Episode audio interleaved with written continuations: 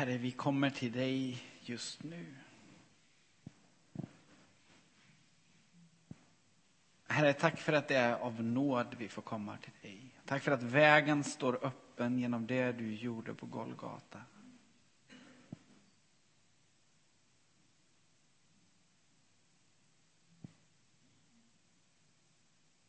Och Gud, vi ber att du sänder din ande till oss den här stunden och fyller oss och ger oss öppna öron och öppna hjärtan så att vi kan ta emot det du vill säga till oss den här stunden. Tack Herre för att du vill tala till oss. Hjälp oss att lyssna. Vi ber så i Jesu namn. Amen. Idag har vi alltså kommit till den strof i bönen Vår Fader. Det är ju vårt predikotema här nu. Och idag har vi alltså kommit till strofen Och förlåt oss våra skulder, liksom vi har förlåtit dem som står i skuld till oss. En man hade två söner. Den yngste sa till fadern, Far, ge mig den del av förmögenheten som ska bli min. Då skiftade fadern sin egendom mellan dem. Några dagar senare hade den yngste sonen sålt allt han ägde och gav sig av till ett främmande land. Där slösade han bort sin förmögenhet på ett liv i utsvävningar. När han hade gjort av med allt blev det svår hungersnöd i landet och han började lida nöd. Han gick och tog tjänst hos en välbärgad man i landet och denne skickade ut honom på sina ägor för att vakta svin. Han hade gärna velat äta sig mätt på fröskidorna som svinen åt, men ingen lät honom få något. Då kom han till besinning och tänkte, hur många daglönare hos min far har inte mat i överflöd? Och här svälter jag ihjäl. Jag ger mig av hem till min far och säger till honom, Far, jag har syndat mot himlen och mot dig. Jag är inte längre värd att kallas din son. Låt mig få gå som en av dina daglönare. Och han gav sig av hem till sin far. När sonen kom hem gick han till sin fader och sa, Far, jag har syndat mot himlen och mot dig. Jag är inte längre värd att kallas din son. Låt mig få gå som en av dina daglönare. Fadern svarade honom, unge man, jag behöver mer arbetskraft nu inför skörden. Du ska få gå som en av mina daglönare. Du får bo tillsammans med de andra tjänarna och förtjäna din lön tillsammans med dem. Den äldre brodern fick höra om vad som hade skett och tyckte att fadern hade agerat rättvist och tolerant. Den tid vi lever i just nu talar ofta om tolerans. Vi ska vara toleranta mot varandra. Vi ska vara toleranta mot olikheter och andra sätt att se på saker. Att vara tolerant är vår tids stora dygd. En god människa är tolerant. Hade Jesus berättelse om den förlorade sonen haft tolerans som poäng så hade den kanske slutat så som jag läste nyss.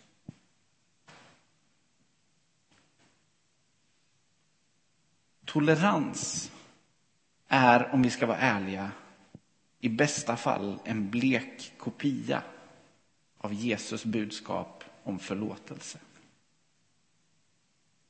För i toleransens namn så springer inte pappan och möter sin son och omfamnar honom. I toleransens namn blir inte sonen återinsatt som son i huset. Det hålls ingen fest.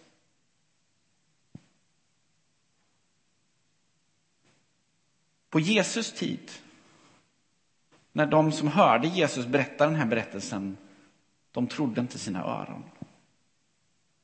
Därför att på den tiden, när sonen säger till sin far, jag vill få ut min del av arvet, det som ska bli mitt så säger han i praktiken, jag önskar att du var död så att jag kunde få ut mina pengar.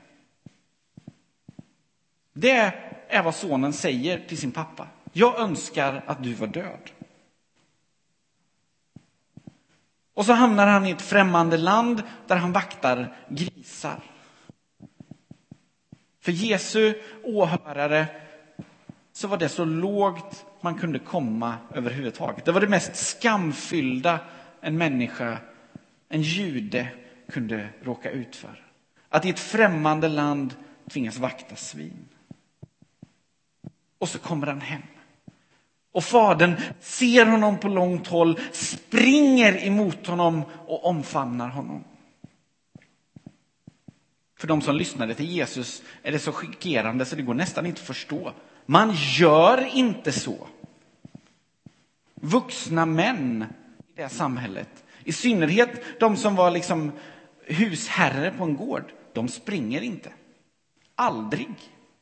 Och definitivt inte för att omfamna en son som har sagt jag önskar att du var död. Det gör man inte. För oss skulle chocken som den här berättelsen innebar för de som lyssnade till Jesus kanske kunna jämföras med att Stefan Löfven imorgon ska hålla presskonferens iklädd badbyxor. Man gör inte så. Därför att Jesus berättelse är så totalt upp och ner mot allting som de kunde tänka sig. Visionen som Jesus ger av förlåtelse. Den är större, den är rikare, den är högre och betydligt mer chockerande än vad vi kanske tänker.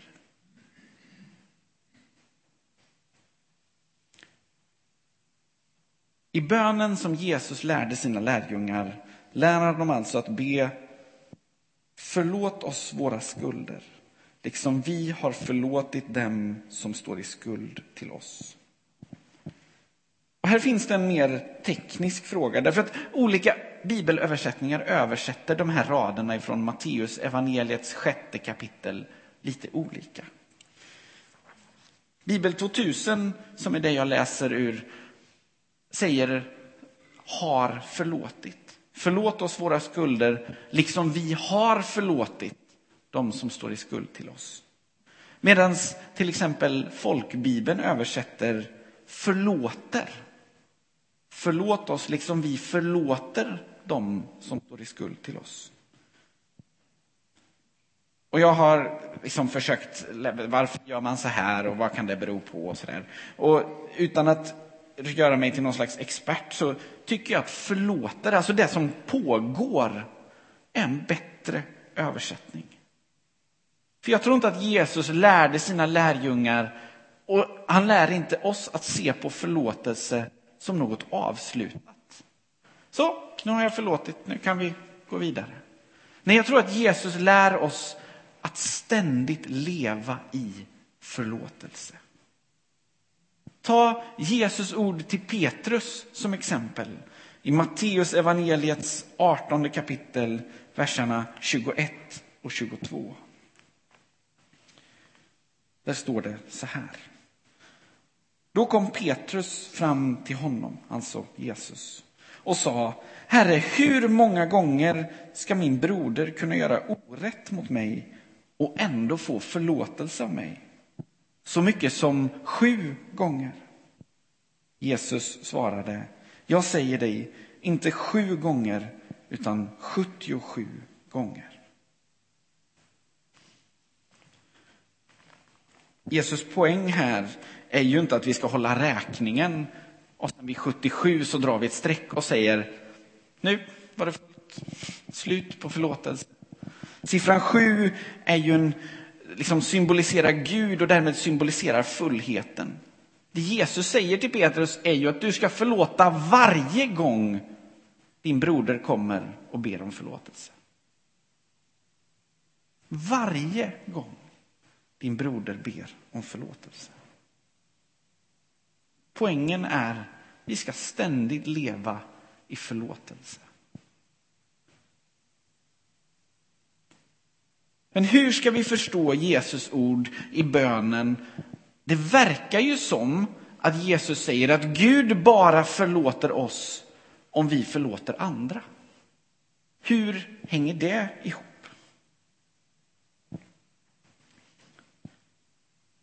Det vi behöver komma ihåg, det är ju att Jesus ord riktar sig ju till de som följer honom.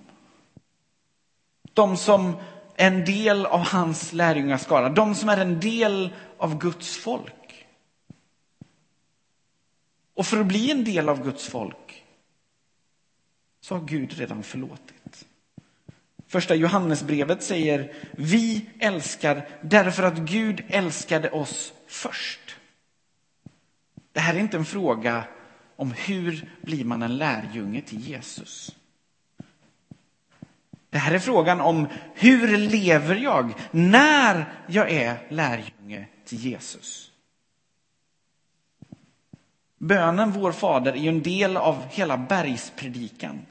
Där Jesus målar ut visionen av hur ser den människas liv ut genom vilket Guds rike sprids. Det är inte inträdeskravet till Guds rike. Det är sättet så som Guds rike växer.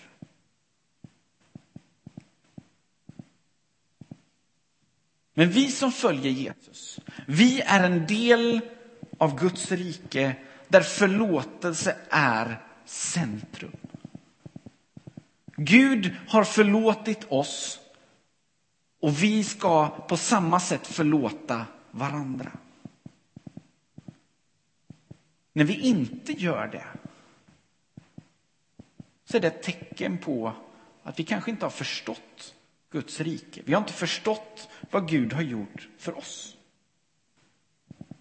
När en Jesuslärjunge vägrar förlåta så är det som att säga, nej men jag tror inte att Guds rike har kommit. Jag tror inte det finns syndernas förlåtelse. Det handlar inte om att vi inte då lever upp till Jesu moraliska undervisning, att vi inte kommer över ribban som Jesus har lagt. När vi som tror på Jesus vägrar förlåta så sågar vi av grenen vi själva sitter på. Förlåtelse är själva grunden i Guds rike.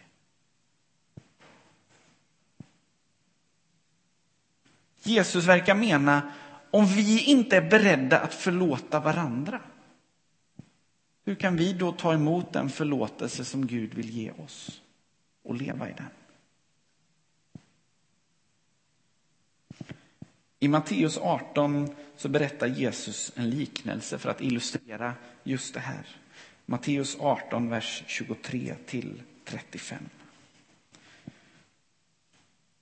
Därför är det med himmelriket som när en kung ville ha redovisning av sina tjänare. När han började granskningen förde man in en som var skyldig honom 10 000 talenter. Eftersom han inte kunde betala befallde hans herre att han skulle säljas tillsammans med sin hustru och sina barn och allt han ägde så att skulden kunde betalas. Tjänaren kastade sig ner och bönföll honom. Ge mig tid så ska jag betala allt sammans. Då kände hans herre medlidande med honom och lät honom gå och efterskänkte hans skuld. Men när tjänaren gick därifrån mötte han en annan tjänare som var skyldig honom hundra denarer. Han grep honom om strupen och sa, betala tillbaka vad du är skyldig. Den andra kastade sig ner och bad honom, ge mig tid så ska jag betala. Men han ville inte utan gick därifrån och lät sätta honom i fängelse tills skulden var betald. När de andra tjänarna såg vad som hände tog de mycket illa vid sig och talade om alltsammans för sin herre.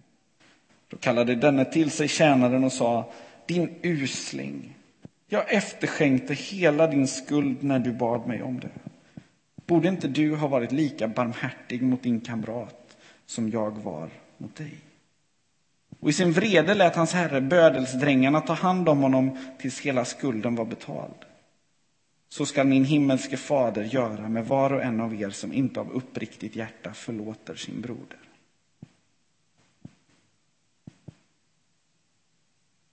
Det här är skarpa ord, vänner.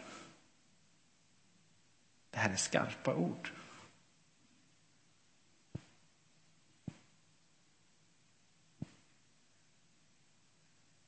Den första skulden, den som var på 10 000 talenter, På Jesu tid var det en summa som var så orimligt stor så det, det liksom, att bara tanken på att kunna betala av skulden var så löjlig så det går inte. Det är liksom som att jag skulle ta ett papper som är lika stort som den här kyrksalen och börja skriva ett och sen fylla resten av pappret med nollor. Och sen säga, ja men jag ska betala av det här. Ja visst, ser du. Hundra denarer däremot, det var en mer rimlig summa. En denar var ungefär dagslön.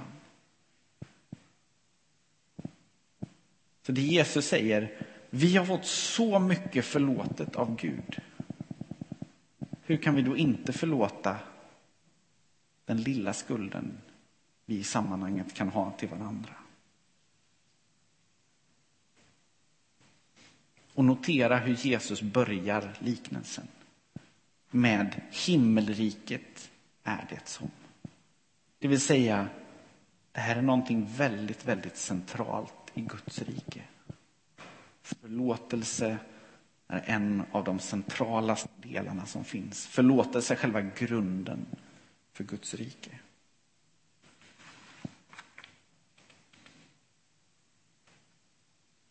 Jesus vision om förlåtelse den är större än vad vi tänker. Den är central för Guds rike, men den är också personlig. Har ni tänkt på vad det är Jesus lär oss att be? Förlåt oss våra skulder, liksom vi har förlåtit dem som står i skuld till oss. Förlåtelse är personligt. Förlåtelse är inget abstrakt koncept med fina idéer. Det är personligt. Jag kan bara förlåta det som gjorts mot mig. Jag kan bara be Gud om förlåtelse för det som jag har gjort. Ibland tänker vi på synden som vi tänker på lagboken här i Sverige. Nu bröt du de här tre paragraferna, nu kommer du åläggas följande straff. Ajabaja, gör inte om det. Men när Bibeln pratar om synd så är det sällan i den sortens termer av lagparagrafer.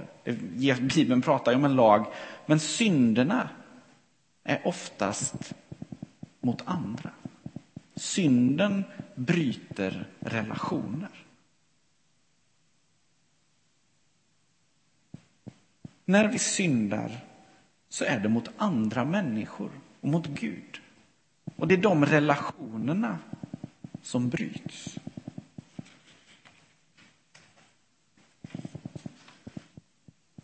Bibeln har många ord för synd. I Gamla testamentets hebreiska används över 50 olika termer. Det verkar inte finnas någon gräns för hur mycket elände vi människor kan utsätta varandra för. Vi är omåttligt kreativa i att hitta på nya sätt att förpesta livet för varandra eller ta koll på varandra. I stort och i smått. Och i dessa tider när vi pratar om coronavirus så behöver vi faktiskt påminna oss om att det finns ett annat virus som ingen kommer undan. Det drabbar 100 procent av alla människor och om inget görs har den dödlighet på 100 procent. Synden är som ett virus som ingen kommer undan och som leder bort från det eviga livet. Om vi vill ta Jesu ord om förlåtelse på allvar måste vi också ta synden på allvar. När vi kommer till Gud och ber om förlåtelse så möts vi av en kärleksfull famn. Till Gud kan vi säga, Gud, det finns några saker vi måste reda ut. Och då kommer inte Gud sopa dem under mattan och säga, ja, ja, men det var lugnt. Men Gud kommer milt säga, ja, det gör det faktiskt. Låt oss lägga dem på bordet och reda ut dem. Så har vi klarat av det. Guds sätt att ta itu med synden, det är att ta den för vad den är.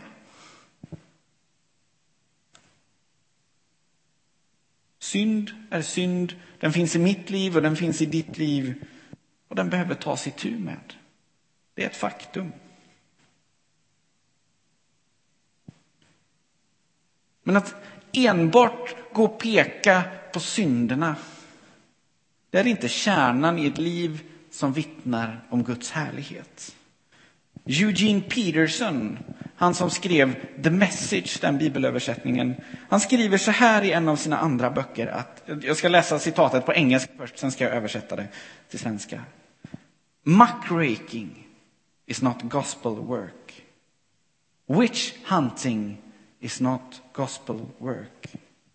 Shaming the outcast is not gospel work. Forgiving sin is gospel work. Och ordagrant översatt så säger han att mocka bajs, det är inte att arbeta för evangeliet. Att starta häxjakter är inte att arbeta för evangeliet. Att vanära den utstötte är inte att arbeta för evangeliet. Men att förlåta synder, det är att arbeta för evangeliet.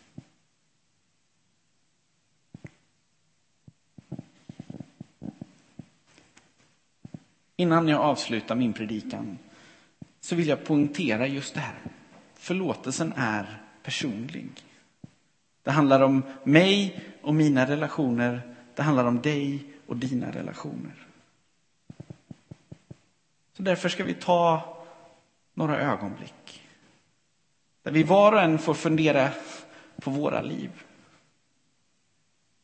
Var finns det relationer som behöver upprättas? Finns det relationer där jag behöver ta steg mot förlåtelse? För det här med förlåtelse, det är inte bara fina idéer. Det är menat att det ska levas ut i våra liv. Det är så Guds rike blir verklighet. När vi lever ut det i våra liv.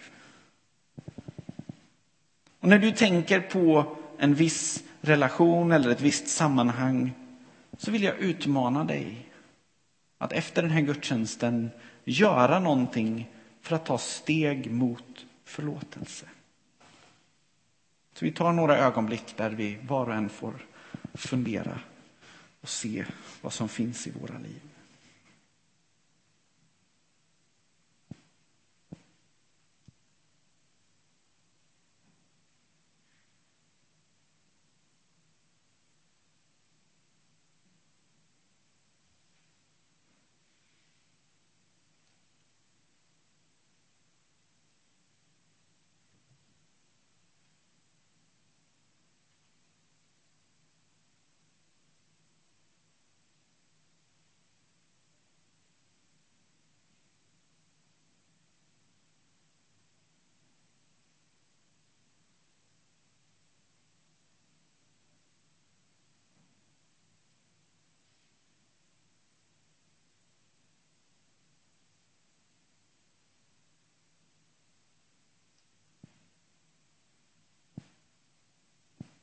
En man hade två söner. Den yngste sa till fadern, Far, ge mig den del av förmögenheten som ska bli min. Då skiftade fadern sin egendom mellan dem. Några dagar senare hade den yngste sonen sålt allt han ägde och gav sig iväg till ett främmande land. Där slösade han bort sin förmögenhet på ett liv i utsvävningar. När han hade gjort av med allt blev det svår hungersnöd i det landet och han började lida nöd. Han gick och tog tjänst hos en välbärgad man och denne skickade ut honom på sina ägor för att vakta svin. Han hade gärna velat äta sig mätt på fröskidorna som svinen åt, men ingen lät honom få något. Då kom han till besinning och tänkte, hur många daglönare hos min far har inte mat i överflöd och här svälter jag ihjäl. Jag ger mig av hem till min far och säger till honom, far, jag har syndat mot himlen och mot dig, jag är inte längre värd att kallas din son. Låt mig få gå som en av dina daglönare. Och han gav sig av hem till sin far. Redan på långt håll fick fadern syn på honom. Han fylldes av medlidande och sprang emot honom och omfamnade och kysste honom. Sonen sa, Far, jag har syndat mot himlen och mot dig.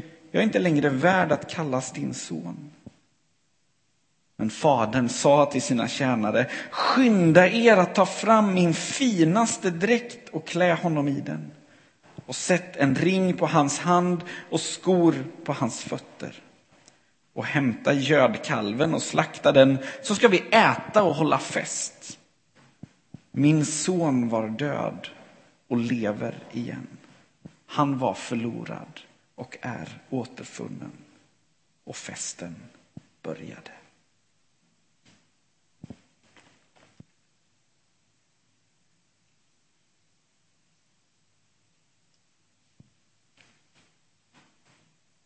Herre, tack för att när vi kommer till dig så möter du oss med en öppen famn. Tack för att du klär oss i nya, vackra, fina kläder. Att du ger oss den plats i din familj som är vår. Tack för att det alltid blir fest när förlåtelse får flöda. Men Herre, vi ber att förlåtelse skulle få flöda från dig vidare ut i våra liv. Herre, du ser de relationer vi har där det behövs förlåtelse. Herre, jag ber att du hjälper oss var och en ta de steg vi kan för att det ska bli förlåtelse.